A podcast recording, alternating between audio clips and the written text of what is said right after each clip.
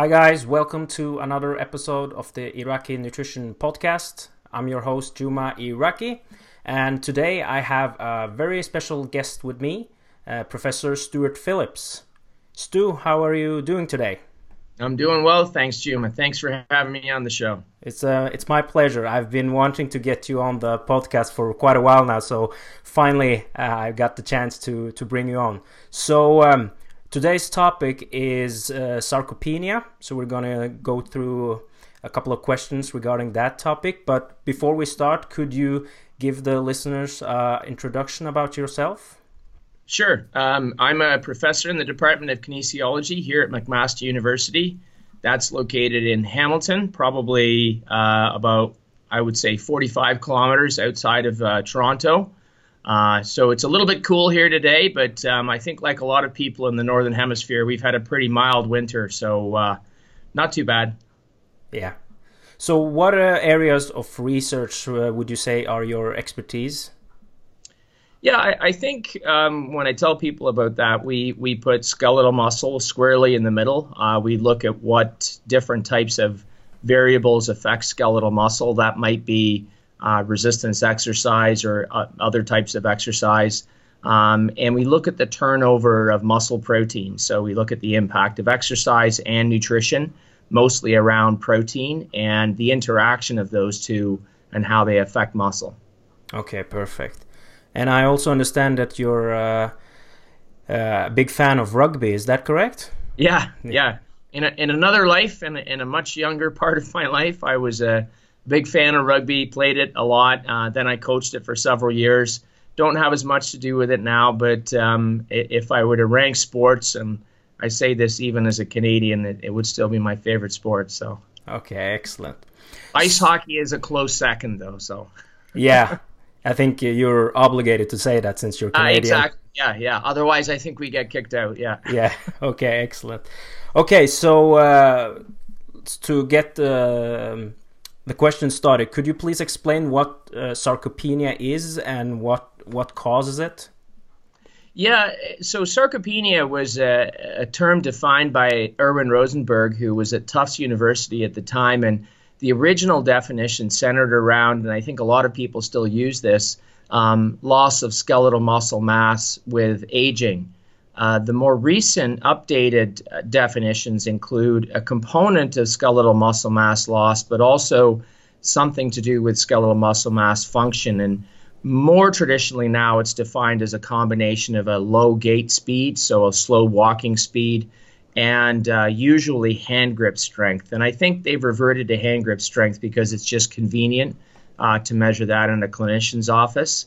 So it's usually a combination of those things. And obviously, those are going to decline with age, but some people are on a more rapid decline. And so enter a stage of what's known as sarcopenia maybe a little bit earlier in life. But I think it's probably inevitable for somebody at some point to experience some degree of this. Um, how it arises, I think it's still it's an open question. There probably is not one or another cause, although it can be accelerated by inactivity. Uh, I think, though, it's it's fair to say that it doesn't matter what species you look at as they age, everything becomes more inactive. So humans are in that same category, but uh, you can preserve it, I think, or or slow the rate of decline with activity. So that's pretty potent. Um, inflammation is probably a, a, big issue for some people, I, but I think that goes hand in hand with uh, inactivity, uh, diabetes, uh, lots of inflammatory diseases, rheumatoid arthritis, or, or, limited mobility. It's hard to know what comes first in that situation, but anything where you become less active or the less you choose to do, then I think that the rate of sarcopenia would be uh, accelerated. But there's probably multiple causes as well as some program of cellular aging that is going to contribute to it as well. Okay, interesting. Now, how early will uh, will you start to see this uh, age-related decline in muscle mass? Yeah, yeah, that that's a great question, and and I, you know, uh, So I think we, we borrow a lot from large cohort observational data where they have good body composition. And we sort of say, well, it probably starts in your 50s or maybe your 40s. Um, I'm of the opinion, however, that if you're a particularly inactive, even 30 year old, you can begin to see declines in muscle mass. So you can imagine if somebody's growing up to around the age of about 18 they would sort of stay stable into their 20s. And then if they don't do much in their 30s, I think you could start to see loss of muscle and some degree of weakness. Most people do enough to sort of offset that into their 50s. And I, I want to say, and I always joke, I say, you know, every year year older I get, of course, it pushes back by another year. But uh, so at this point, uh, squarely uh, at the age of about 51 it starts. And next year it'll be 52 so.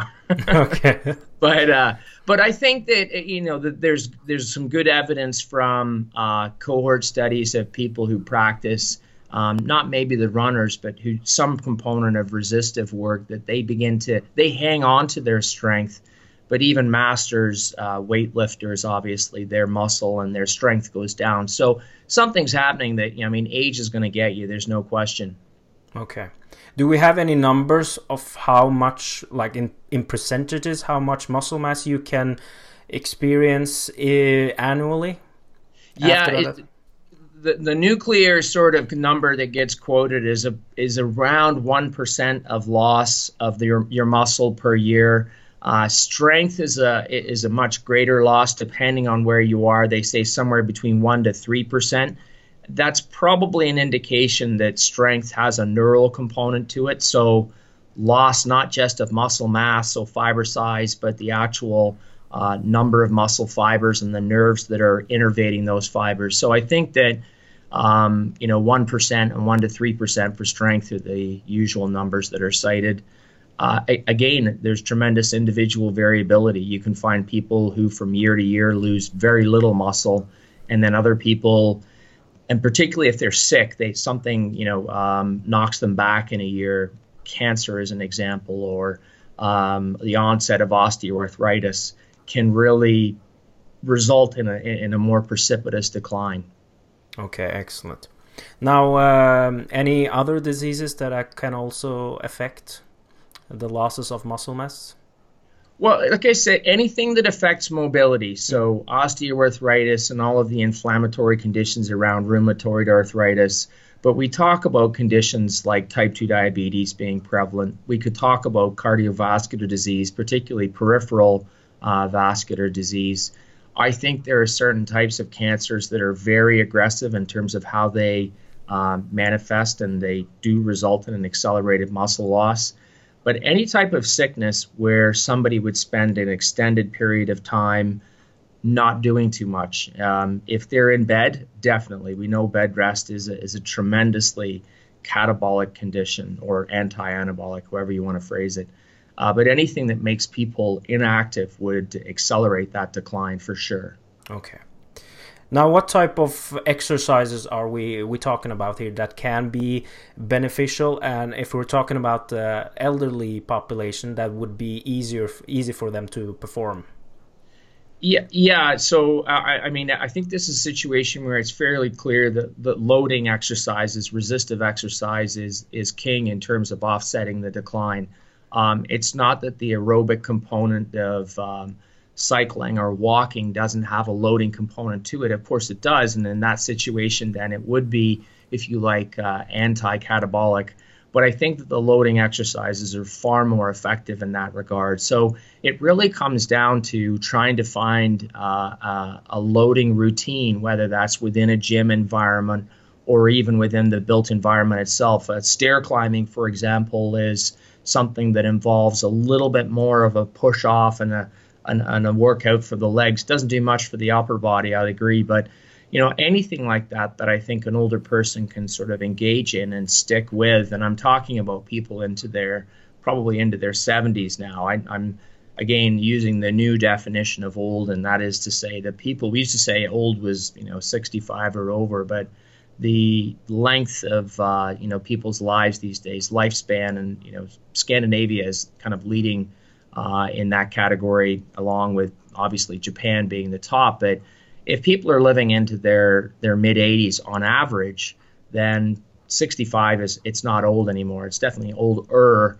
But you know, people in Canada now, uh, the retirement age is creeping up and above 65. We have no mandatory retirement, so we're talking about people into their 70s, and this is where we we uh, people who study what they call geroscience or aging begin to see one condition show up, and then unfortunately, what the literature tells us is one chronic condition tends to beget one or another. So they don't. It's not like you have one. If you if you have one, you're pretty rare. But once you've got one, then you tend to get another. Then you tend to get another. And this condition of multimorbidity uh, is really a hot topic in geroscience and how to prevent that because these things, for reasons we don't fully understand, they tend to cluster together. Mm-hmm. Now, in regards to like traditional resistance training, uh, some elderly might be afraid to engage in that because they might have some issues with uh, with uh, joint problems. Is there a, a, better protocol that they could use, uh, like comparing, for example, if they used higher repetitions and work to failure compared to using um, uh, higher loads and using lower repetitions?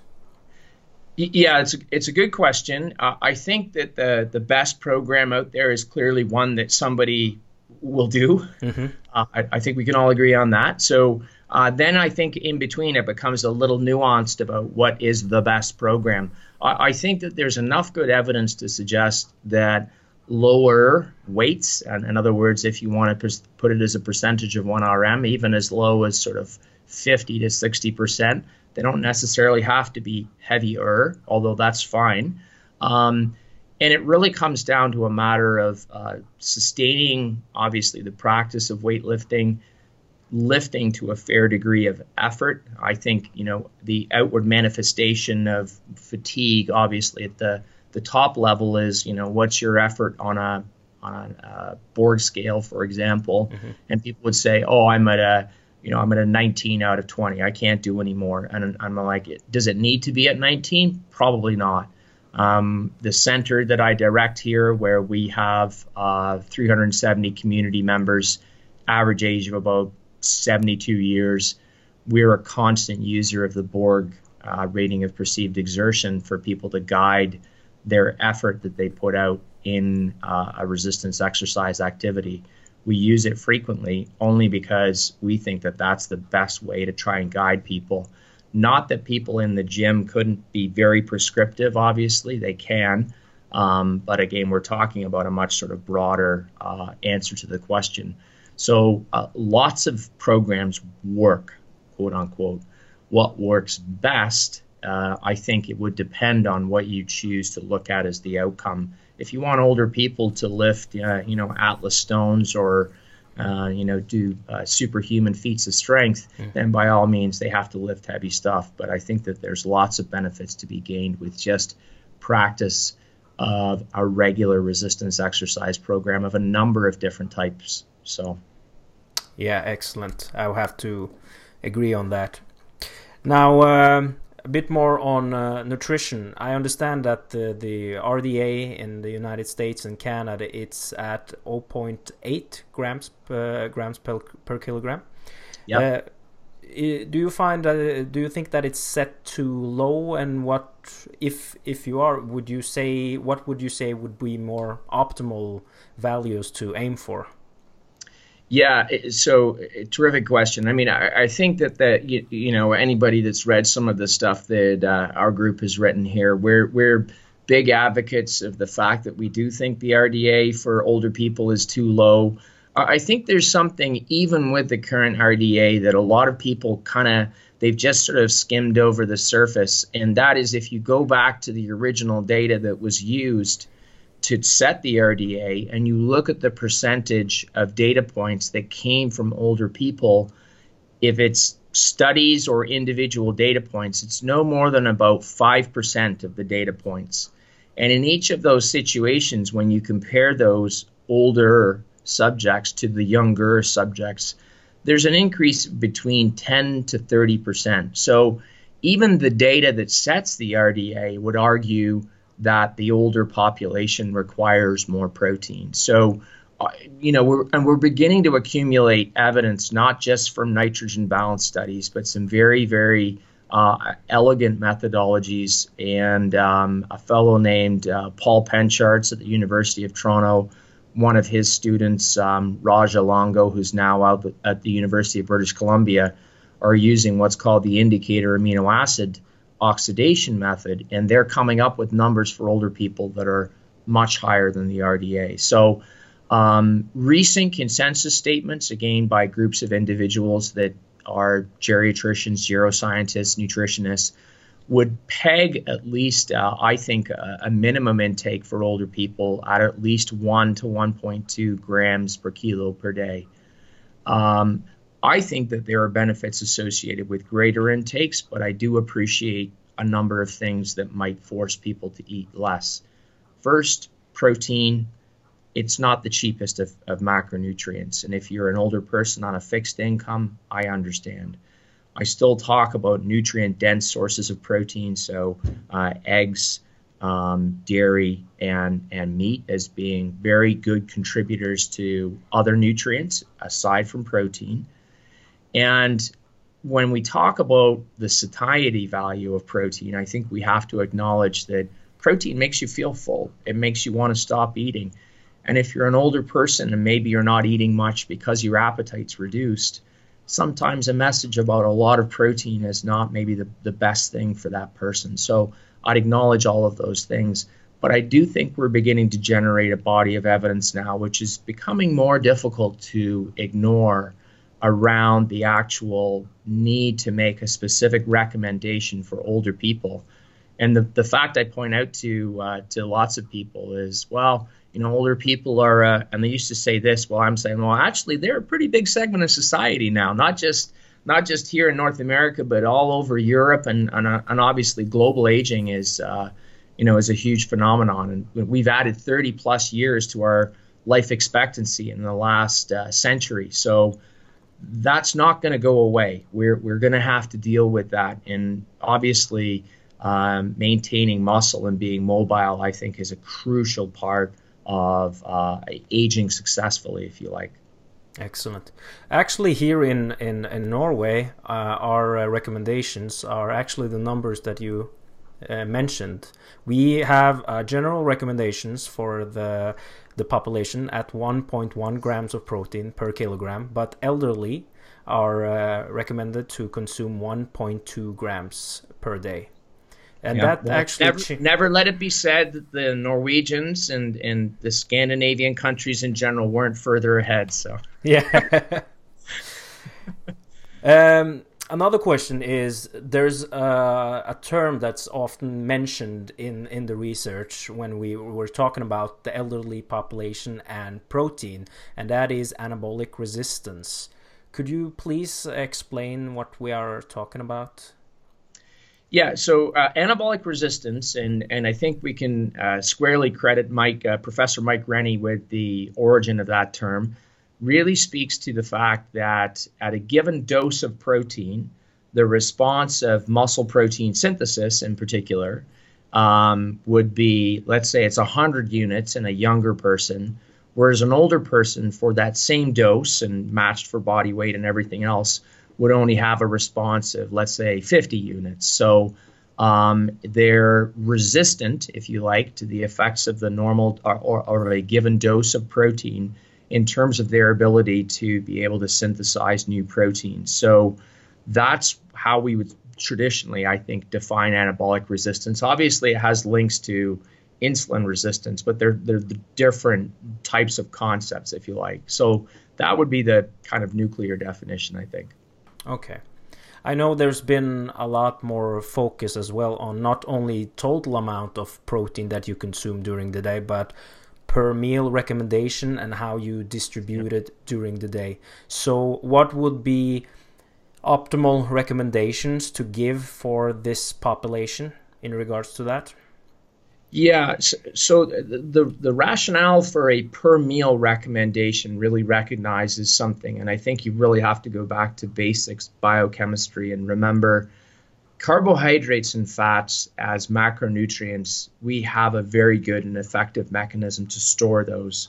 Protein, on the other hand, because of the nitrogen group, um, you only can use it within a limited frame of time. If you don't use it within that frame of time, and by use I mean you know synthesize it into proteins or turn it into something else, glucose perhaps, or you know use it for a biosynthetic pathway, and you have to do that within the time that basically you've consumed protein. So once you've eaten protein, three to four hours later, all of the amino acids from that protein are gone. They've been transformed to something else. They've been put into proteins. They've been uh, turned into glucose. They've been turned into neurotransmitters. So uh, that's a little different from carbohydrate and fat. And it's really that rationale that underpins why you would make a per meal recommendation as opposed to saying, well, you know what's not a big deal. You just got to get 0.8 grams per kilo per day.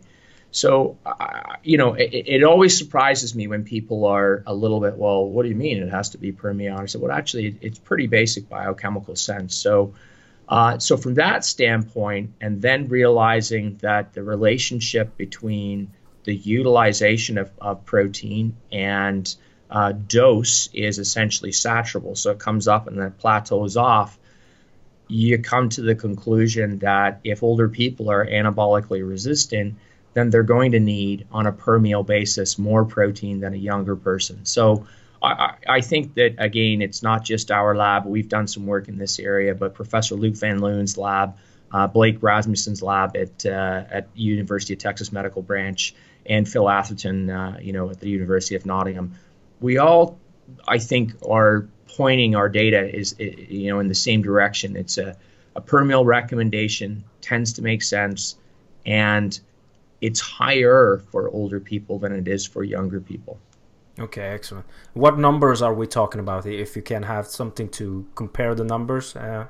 Yeah, so uh, I mean, uh, so we've we've taken a stab at this, and it's a, it's been a retrospective analysis of our, our data that's given us these numbers. So what we generally say is around 0.25 grams of protein per kilo per meal is what a younger person I think plateaus the muscle response out.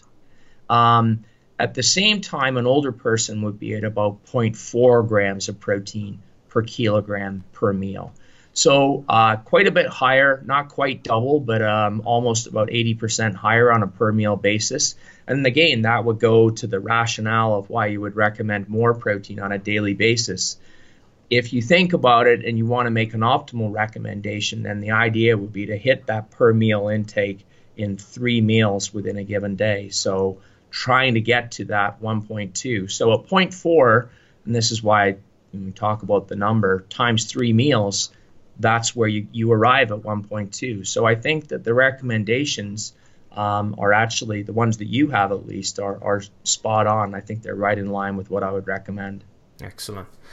Now, um, in regards to protein quality, uh, we're obviously talking about uh, a number here? Are we talking about mixed meals or are we talking about that you only consume the complete sources of protein?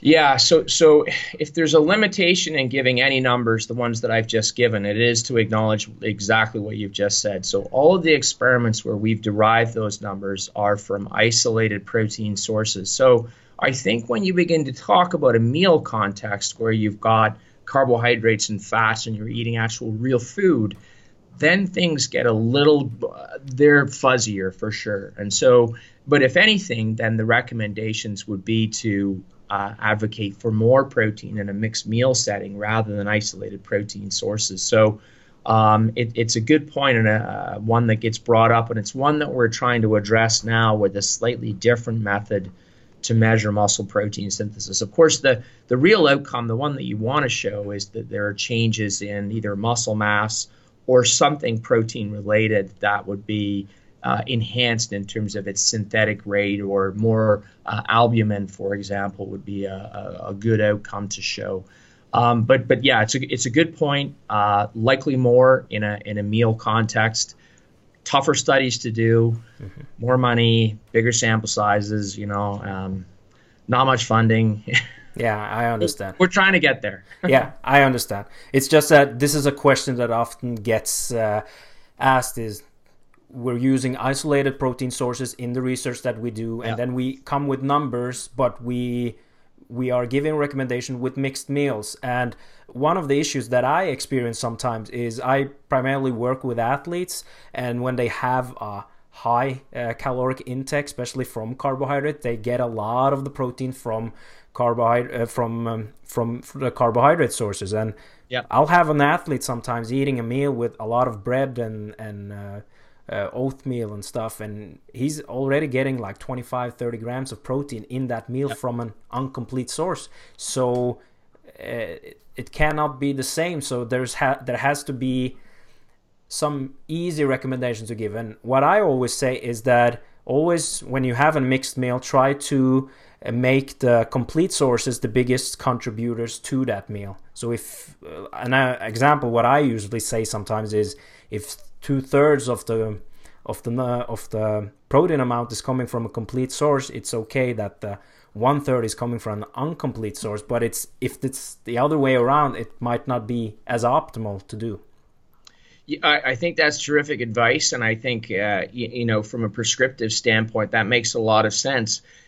Pulling it back to the the aging population, I'll just tell you about some data that we've collected but have never published. Um, again, using the example of the people that uh, exercise in our center here, uh, the women consume on average, and, and in North America, uh, the breakfasts are very carbohydrate and obviously uh, high fiber oriented because that's the heart health hypothesis.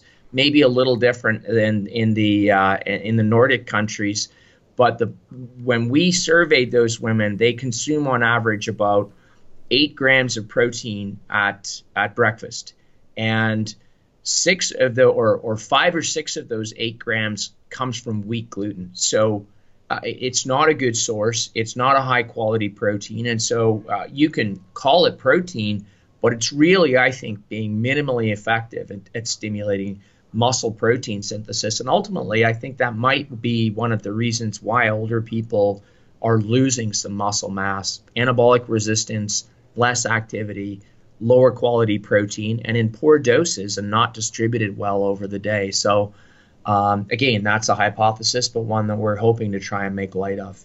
Okay. Would would uh, supplementing them with whey protein be an easy strategy to make sure that they consume enough protein? Yeah, it, it's an it's a convenient strategy. Again, uh, the the thing we keep we constantly rub up against if we make those recommendations is the cost of whey protein. People on fixed incomes.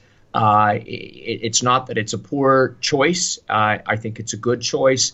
A lot of older people we have found are they're resistant to change. Um, and particularly if you ask them to buy something like whey that they're not familiar with. And, and, and it all depends. Some are uh, some embrace the concept, no problem at all. But I do think that it's uh, it's a little bit difficult to recommend the supplements for older people. Not impossible. There might be greater acceptance with the uh, what we call the boomer or the young old generation who are coming through now. Um, but definitely with the people we have in our center, it's been more of a food first approach, only because they're more comfortable.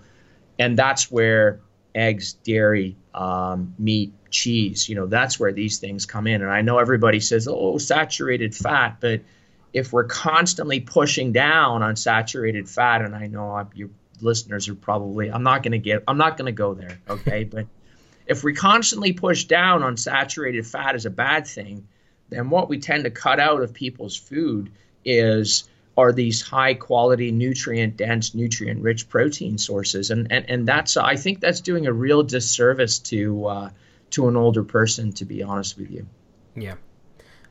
Not uh, not going to go in on the topic of saturated fat but i just have a comment on it is that we, it, it always amazes me when we have these recommendations that you should limit the amounts of things that you should eat that people try to eliminate them completely like for example red meat you have a limitation of how much you should eat and then people just assume that you should eliminate it completely from the source and not realizing that it's actually a great source of protein great source of uh, vitamin b great source of iron and and zinc and uh, yeah, it just amazes me. It always goes from this end and to the other end. There's no middle. There's no gray areas. Yeah, I, I, agree completely. And you know, saturated fat and, and cholesterol are a couple of great examples of things that have you know clearly been completely demonized and for a long period of time. And there was a lot of advice to cut them out, et cetera, et cetera. Um, now it seems to be, you know, carbohydrates and particularly simple sugars, obviously, that are the bad. There's probably a, a moderate ground in, in, in this somewhere. Um, but I agree. Uh, extremes tend to appeal to people. They tend to be, you know, uh, polarizing and something people can rally around. And uh, whatever the enjoyment is that people get out of doing that, clearly it's uh, it's a little bit of anti-establishment stuff. So you either can eat some red meat or no red meat. And I, yeah, uh, um, I'm with you. Uh, nutrient dense, nutrient rich. Um, you could argue about affordability, but I don't think that anywhere in the world that I've ever gone, I've ever seen that eggs have been unaffordable. They're always generally quite cheap. Mm-hmm. Um, dairy, dependent on where you're going. Meat, again, very region specific, but in, in most westernized, or if you like, um, non growing or, or well developed economy countries, the the meat supply tends to be fairly fairly abundant. Yeah, I agree. And then I know we get into our environmental footprint, and and I just I'm, I'm way out of my depth. So. okay, so um, to to sum it all up, could you give us a, a take home message on on what we have been talking about? Yeah, so uh, I mean, I like to make things fairly simple. So I, I tell older people that the keys to successful aging really are to make sure that you maintain your mobility, however you do that. Um, I advocate for resistance exercise. I understand it's it requires a little bit of planning, more so than recommending, you know, go for a walk, for example. But I do think that there are obvious benefits associated with lifting weights. Uh, I talk about uh, evenly spaced, nutrient dense, high quality protein sources. Try to hit 1.2. There may be benefits with higher intakes. Uh, I don't know if the evidence that I could cite to to, to uh, back that up, but I I believe that if you like, um, and and definitely you know uh, the the poem I like to quote is uh, Dylan Thomas one, which says "Rage against the dying of the light." Right, so aging's going to get you, no question. But do as much as you can to slow the decline and uh, and try and live a full and uh, healthful life, if you like. Excellent. Now, Stu, where can people fa- find more information about you? Are you active on social media? Yeah, yeah. So uh, I do a little bit on uh, uh, Twitter. Uh, you can follow me. I'm at MacKinProf. That's uh, M A C K I N P R O F. Uh, I'm also on Facebook, Stuart Phillips. I have two pages, one that I'm, you know, a little bit less active on, one that I use more sort of personally, but you can find me. I'm out there. Uh, I try and do um, a fair bit on social media.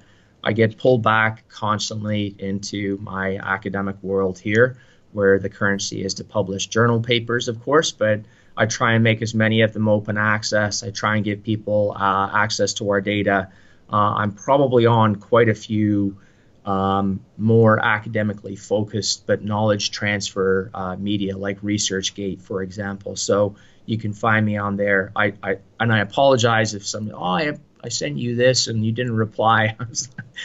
Sorry, man. Mm, yeah. I try. Yeah, yeah, yeah. I, I would recommend all our listeners to uh, follow um, uh, Stu on, on Twitter. You have some great tweets there. And uh, Brad Dieter also thinks that your your tweets are an amazing alarm clock since you have been waiting him, waking him up for the last few months. I, I was gonna say I listened to your podcast with Brad and I get a big chuckle out of that. So uh, yeah, yeah, you know what? If you're if you're gonna get woken up by a tweet, I'm I'm happy that it's mine. So that that's a that's a compliment to be sure. Yeah, exactly. All right. Uh, thank you to all the listeners uh, um, that listened on this podcast. If you don't know, this um, this podcast is available in video format on YouTube, but you can also find it in audio format on iTunes as well. So, uh, Stu, thank you so much for uh, being a guest on my podcast today. It was a was a pleasure to have you on, and uh, I wish you a continued uh, pleasant day. Thanks very much, Jim. It was a real pleasure. Thanks for uh, taking the time to have me on. My pleasure. Thank you so much. Okay, Stu. Bye bye. Take care. Bye bye.